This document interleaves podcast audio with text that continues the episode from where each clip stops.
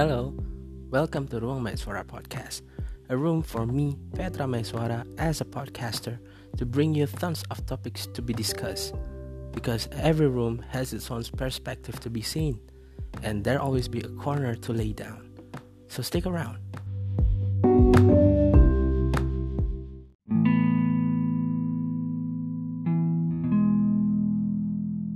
Welcome back to Ruang Masora Podcast And this is episode number 17 Buat nemenin kalian nugas, nemenin kalian ngantor, nemenin kalian kuliah mungkin Yang kuliahnya sampai sore.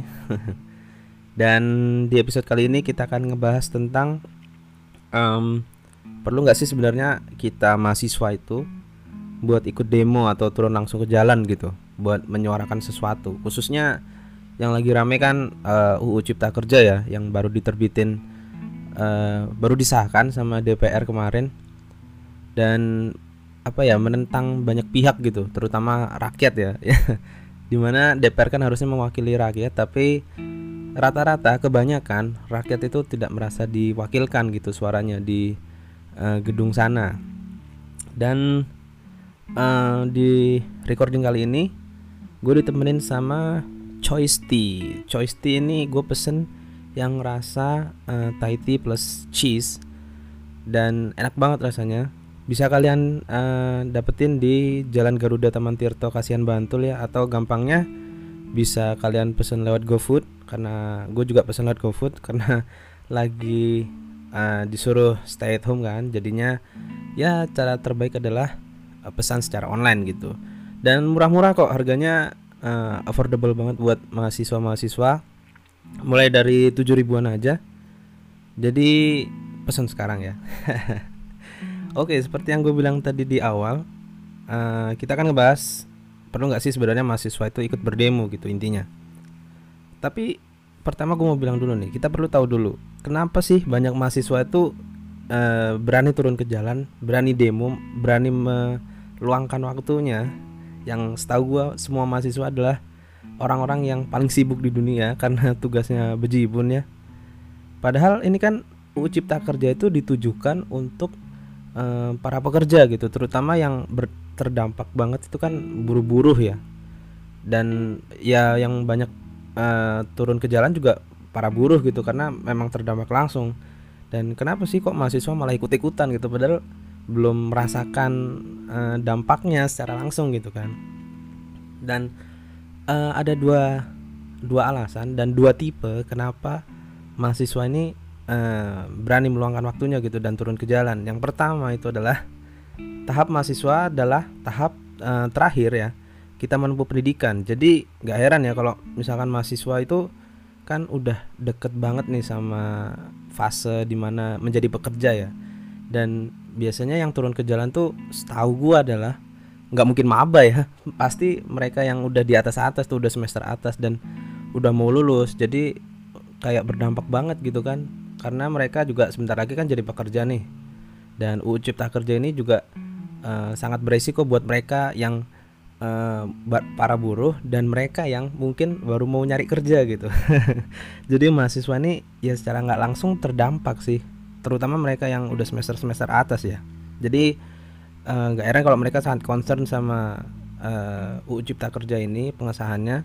Jadi mereka berani turun ke jalan gitu. Dan kenapa mereka berani kenapa mereka ada waktunya? Ya karena memang memang mereka itu semester atas. Jadi uh, setahu gue memang semakin ke atas kan tugasnya cuma satu ya. Kayak misalkan kalau gue uh, prodi gue arsitektur kalau semester atas kan paling enggak tugas akhir ya. Tugas akhir memang agak berat sih. Tapi ya udah tugasnya itu doang gitu. Jadi uh, selain waktunya buat uh, ngerevisi di uh, perkuliahannya ya ya udah cuma itu aja gitu tugasnya. Nggak ada matkul lain ya cuma tugas tugas akhir itu aja. Makanya uh, banyak uh, dari mereka ya terutama gue kemarin lihat ada meme-nya itu yang mahasiswa arsitektur turun ke jalan itu malah sempat sempatnya gambar loh coy ngerjain tugas.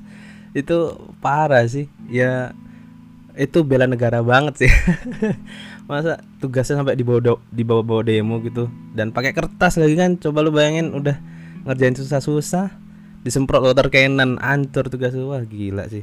Tapi ya uh, keren sih keren sih buat mereka yang akhirnya berani turun ke jalan berani menyuarakan suara rakyat gitu. Nggak cuma mahasiswa tapi suara uh, para pekerja juga. Keren keren keren keren. Respect buat kalian. Dan tipe yang kedua adalah mahasiswa yang emang malas ngampus aja sih. Jadi ya wah sok-sokan pakai alma mater kan sok-sokan membawa nama kampusnya membawa uh, suara rakyat gitu ke demo. Padahal ya cuma tujuannya ya malas ngampus aja udah. Pokoknya ketemu temen rusuh kan di mana ada di mana ada kerusuhan di situ ada mahasiswa. Jadi ngelempar batu lah ngelempar botol apalah disemprot water cannon dan gue masih inget jokesnya Coki Pardede itu di mana kalau mahasiswa berdemo disemprot water cannon tidak akan bubar karena mahasiswa memang membutuhkan air gitu. Jadi sekalian mandi lah. Nggak usah mandi kan berangkat. Lu pakai baju apa aja baju tidur datang disemprot water cannon ya sekalian mandi aja kan. Jadi ya gitu deh. Ada yang emang concern banget ada yang emang malas ngampus aja gitu. Dan uh, kalau teman-teman nanya tanggapan gua apa tanggapan gua pribadi sih um, gini gini. Gua nggak pernah ikut yang namanya demo ya karena memang uh, bukan tipe gue sih buat turun langsung ke jalan terus menyuarakan suara rakyat panas-panasan pakai bawa-bawa apa tuh papan atau flyer kayak tulisin apa ya menentang undang-undang ini menentang keputusan ini menentang kebijakan ini atau apalah kata-kata kotor tuh yang lu bawa ke demo kan. Gua nggak nggak seperti itu sih. Jadi gue lebih memilih uh, antara dua nih. Gue gue lebih kalau misalkan gue terdampak secara nggak langsung ya tapi ikut berdampak sama gue gue akan menyuarakan di sosial media biasanya. Dan kalau misalkan ya gue nggak terdampak secara langsung nggak secara brutal berdampak ke gue gitu biasanya gue diemin aja dan gue berusaha untuk bekerja sebaik-baiknya di kampus gitu. Jadi ketika gue berhasil mencapai uh, apa yang menjadi tujuan gue kuliah ya gue sebisa mungkin mendapatkan posisi tinggi lah di uh, perusahaan gitu. Jadi gue nggak terdampak langsung gitu sih paling nggak nggak sampai turun ke jalan dan apalah uh, memberikan uh, tanda kutip keadilan ya buat suara rakyat gitu. Dan ya tapi tetap gue tetap respect sama mereka yang turun ke jalan gitu. Dan memang kayaknya sih emang diperlukan sih uh, mahasiswa yang turun-turun ke jalan tuh karena uh, ya seperti yang lo tahu ya di uh, gedung uh, organisasi yang uh, katanya mewakili rakyat itu kan pasti gue yakin sih pasti ada yang namanya imposter gitu. Kalau lo tahu main uh, apa? Among Us game Among Us. Kan itu ada tuh yang lagi rame tuh yang lagi tren tuh kan ada imposter. Dan pasti ada tuh gue yakin pasti ada salah satu di gedung dewan uh, apa yang mewakili rakyat itu katanya. Dan ya itu kalau misalkan orang Indonesia ya setahu gue kalau misalkan nggak diperingatkan atau nggak di uh, selentik gitu pakai aksi-aksi yang brutal itu nggak bakal didengerin coy. Jadi kalau mau menyuarakan udah bingung tuh kan udah kehabisan akal lu mau menyuarakan secara langsung di uh, apa di sosial media atau di mana gitu di Twitter di Instagram itu kan ya mereka punya senjata yang namanya pasal karet itu UU ITE jadi kalau misalkan uh, lo bersuara salah dikit aja itu lo udah udah diambil tuh celahnya udah di udah nggak bisa lah intinya. Lo nggak bisa menyuarakan secara langsung ke mereka gitu. Tapi kalau misalkan lo turun ke jalan kan ya ya ada sih peraturan yang mengan, yang mengatur soal uh, tata cara berdemo gitu. Tapi kan ya biasa lah orang Indonesia kan sukanya yang barbar-barbar kan. Di mana ada di mana ada aturan di situ kita melanggar. Jadi ya gitu deh. Dan uh, lumayan sih lumayan menggerakkan. Dan gue rasa uh, aksi demo yang uh, mahasiswa lakukan itu kemarin kalau nggak salah ada demo buruh juga di Tangerang ya pak ya kalau nggak salah. Itu juga akhirnya banyak tuh uh, apa yang akhirnya bersuara juga berani bersuara juga di gedung uh, biasanya DPRD ya DPRD karena nggak mungkin kalau di gedung DPR-nya langsung kan biasanya di gedung DPRD uh, eh, kemarin ada yang kalau nggak salah sempat ricuh juga di Bandung kalau nggak salah. DPRD Ban DPRD Bandung. Sampai ada water cannon terus uh, apa gas air mata. Dan ya gue tipe orang yang bukan mau mengambil resiko itu ya karena uh, gue berusaha untuk menyelesaikan kampus gue dulu lah kalau sebisa mungkin baru uh, menyuarakan yang gitu-gitu dan um, di sisi lain nih ada mereka yang memang nggak peduli kayaknya sama bangsanya mereka sendiri gitu. Jadi di mana? Biasanya ini mereka yang emang hidupnya udah terlalu layak ya udah rumahnya empat kafling gitu. Jadi mereka nggak apa ya udah kan udah udah menikmati kenikmatannya sendiri gitu di rumah. Jadi kayak udah tercukupi lah semua semua udah punya punya eh, udah bapaknya itu pengusaha gitu misalkan atau ibunya PNS gitu dan apa ya mereka yang udah tajir-tajir itu biasanya nggak ikut nggak ikut ambil bagian gitu sama uh, mereka-mereka yang uh, secara nggak langsung terdampak ya mungkin atau mungkin secara langsung gitu dan berani turun ke jalan. Dan mereka biasanya apa ya kayak malah misalkan nih misalkan gua uh, menyuarakan gitu di sosial media terus teman gua ini yang uh, apa yang nggak mau menyuarakan gitu bukan nggak mau menyuarakan ya apa kayak uh, kayak nggak peduli aja gitu sama apa yang terjadi di masyarakat itu biasanya ngomong ke gua nih jangan sok tahu deh lu jangan uh, sok-sok menyuarakan.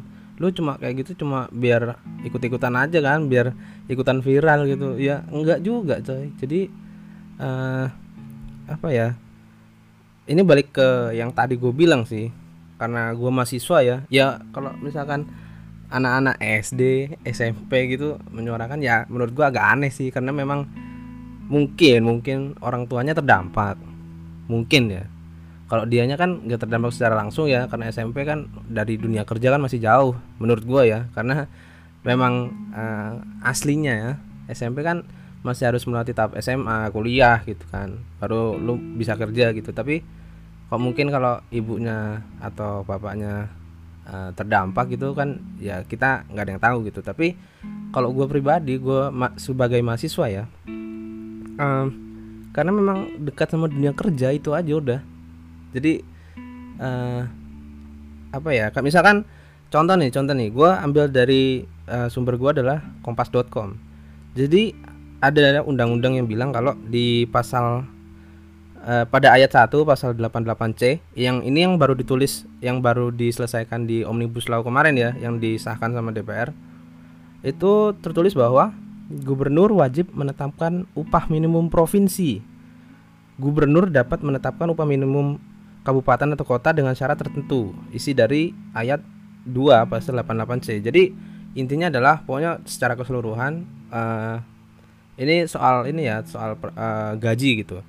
Dari UMK atau upah minimum kabupaten atau kota itu menjadi upah minimum provinsi. Di mana kalau misalkan satu provinsi misalkan Jawa Timur gitu. Jawa Timur kan kota besarnya adalah uh, Malang dan Surabaya. Surabaya kan yang paling mepet sama Jakarta ya ininya uh, rentang gajinya apa UMR-nya dan uh, kalau misalkan diratakan satu provinsi itu kan berarti kan ambil tengah-tengahnya gitu istilahnya kan entah yang uh, si siapa Surabayanya diturunkan atau yang kecil-kecil dinaikkan dan ini berdampaknya adalah sama perusahaan-perusahaan yang uh, apa kalau misalkan yang di UMR-nya kecil itu berdampak sama perusahaan. Tapi kalau misalkan di kota Surabayanya atau di Malang itu berdampak sama karyawan. Jadi biasanya kan orang-orang tuh bermigrasi dari yang UMR-nya rendah ke kota yang punya UMR tinggi gitu. Jadi ketika mereka uh, misalkan kerja di Surabaya dengan alasan gajinya lebih tinggi,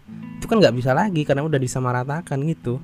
Dan buat mereka yang jadi pengusaha di biasanya UMKM di eh, kota-kota uh, yang UMR-nya rendah itu kan kesulitan juga untuk menggaji uh, karyawannya sesuai dengan standar yang ditentukan sama uh, pasal ini gitu jadi ini merugikan sih buat jelas ya jelas merugikan buat para entah pengusaha atau pekerja gitu. Dan ya gue konser sama itu sih. Jadi kenapa gue berani menyuarakan? Karena memang uh, angkatan gue angkatan gila gue merasa tua banget ya 2000 ini udah bentar lagi udah umur 21 gitu. Udah udah masuk masa produktif kerja. Jadi ya gak usah heran lah kenapa anak-anak yang lu kenal dulu mungkin masih kecil tahun 2000-an itu udah berani menyuarakan karena memang udah besar gitu udah tambah dewasa gitu. Bentar lagi udah kerja kan. Udah mau lulus kuliah. Jadi ya itu dia kenapa gue berani menyuarakan dan kenapa eh, orang-orang yang mereka yang nggak peduli gitu ya mending nggak usah lah nggak usah. Kalau misalkan memang mereka nggak mau merespon kita yang udah bersuara gitu udah berani menyuarakan pendapat uh, nggak nggak cuma suara kita ya suara rakyat.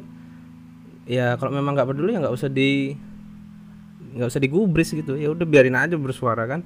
Ntar kalau misalkan direvisi dan menguntungkan semua rakyat ya lu untung-untung juga gitu kan. Nggak nggak malah lu dirugikan gitu kan. Jadi ya ya udahlah. Kalau misalkan ada yang bersuara di, diemin aja. Atau kalau lu dukung malah bagus ya. Dan um, di sisi lain emang ada benernya sih perkataan yang teman gue tadi bilang uh, di mana kita nggak boleh sok tahu gitu soal uh, apa misalkan sekarang ya kita nggak boleh sok tahu dan sok tahu soal ini soal UU Cipta Kerja ini dan menyuarakan gitu ikut-ikutan uh, rame gitu di sosial media atau ikut demo gitu. Ya nggak boleh juga. Jadi misalkan lo mau menyuarakan suara rakyat atau uh, lo menyuarakan uh, aksi demo itu di sosial media gitu ya lu nggak boleh sok tahu juga. Lu harus tahu isinya apa dan konteksnya apa dari undang-undang tersebut gitu. Dan ya lu harus pelajarin itu. Dan kenapa lu menentang itu juga harus ada alasannya sih. Menurut gua juga gitu. Dan kita sebagai mahasiswa kan juga rakyat ya. Jadi uh, sebaiknya menurut gua saran dari gua adalah maba-maba juga ya ikutin lah. Jangan jangan apa jangan terpaku sama nilai dan matkul lu aja gitu. Tapi bentar lagi lu udah hidup sebagai orang tua beneran gitu. Jadi soal uh, apa pandangan lu harus luas lah soal negara ini soal Indonesia gitu. Dan uh, peraturan Indonesia kan nggak cuma melulu soal di apa rektor di uh, dekan gitu kan nggak cuma di kampus lu kan. Jadi ya terbuka lah sama pengetahuan-pengetahuan soal undang-undang yang berlaku soal pekerja misalkan cipta kerja ini kan. Atau soal yang lain gitu soal pajak. Nih biasanya biasanya uh, teman-teman yang malas ya yang uh, cuma mau dapat nilai bagus aja di kampusnya atau di sekolahnya itu cuma ya nggak nggak pernah tahu soal pajak soal pajak apa bumi bangunan gitu misalkan. Atau uh, cara bayar pajak cara uh, apa misalkan lu beli motor gitu. Kapan lu harus perpanjang itu kayak mereka nggak mau tahu tuh. Jadi ya perluas lah pandangan lu soal yang kayak gitu-gitu tuh harus harus ini harus harus lu harus uh, rekon juga gitu. Ya lu harus tahu juga caranya. Dan ya kan bentar lagi juga terutama teman-teman angkatan gue ya. Bentar lagi kan lu ini udah kalau gue semester uh, eh, 5 gitu. Dan tiga semester lagi semester 8 lu tugas akhir dan kalau bisa sih lulus ya. Nggak boleh lulus telatnya. Amin amin amin buat teman-teman angkatan gue nih. Dan kalau bisa ya udah mulai uh, terbuka sama Indonesia gitu. Jadi kehidupan kampus ya lu harus harus ini juga harus perhatiin juga tapi ya kehidupan asli lu kehidupan bernegara lu ya jangan sampai lupa gitu. Dan yang mau gue sampaikan adalah intinya sebagai mahasiswa itu uh, bebas sih. Lu lu punya kebebasan lu punya uh, hak untuk memilih uh, cara lu menyuarakan rakyat gitu.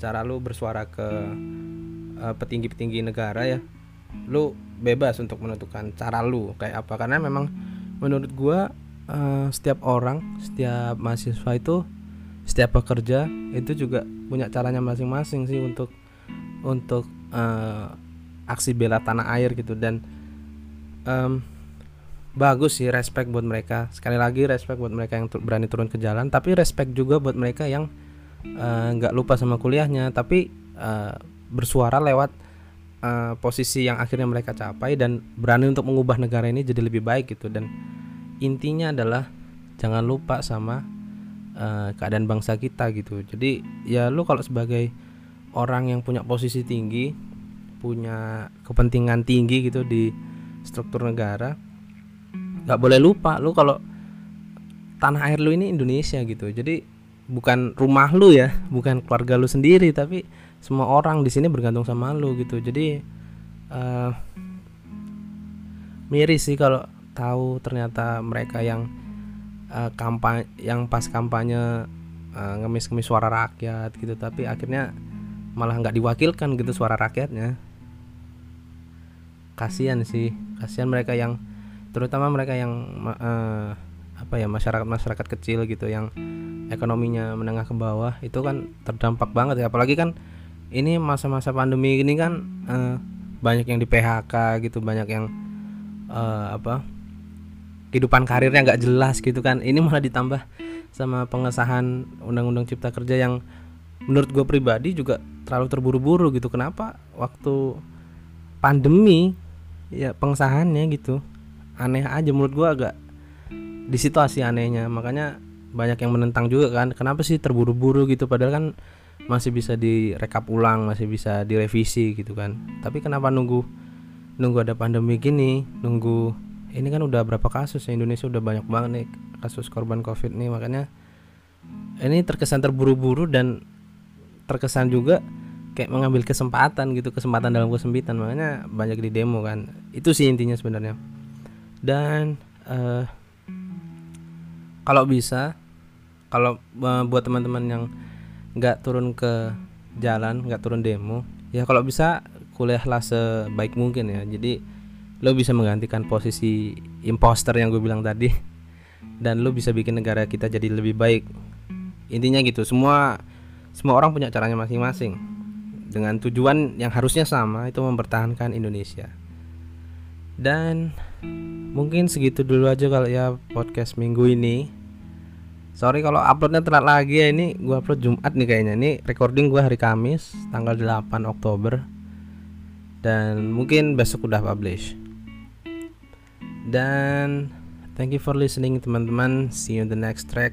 Kalau teman-teman punya kritik atau saran atau uh, ide mungkin atau teman-teman buat teman-teman yang mungkin mau uh, apa uh, ngobrol bareng sama gue di podcast ini bisa DM Instagram ruang maisora aja ya di ruang.maisora di situ teman-teman bisa juga itu ada konten-konten soal microblog macam-macam ada uh, self development dan akhir-akhir ini gue lebih concern sama ini sih sama kreator-kreator. Karena uh, teman-teman gue juga malah menyarankan buat ini buat lebih ke kreator aja dong. Karena memang uh, apa kuliah gue kan arsitek jadi banyak teman-teman juga yang ternyata digital kreator gitu daripada sebagai pelarian dari arsitektur ya. Jadi kayak ya mungkin menurut mereka berguna juga. Jadi gue lebih sering ke microblog soal konten kreator gitu dan thank you for listening. See you on the next track. Thank you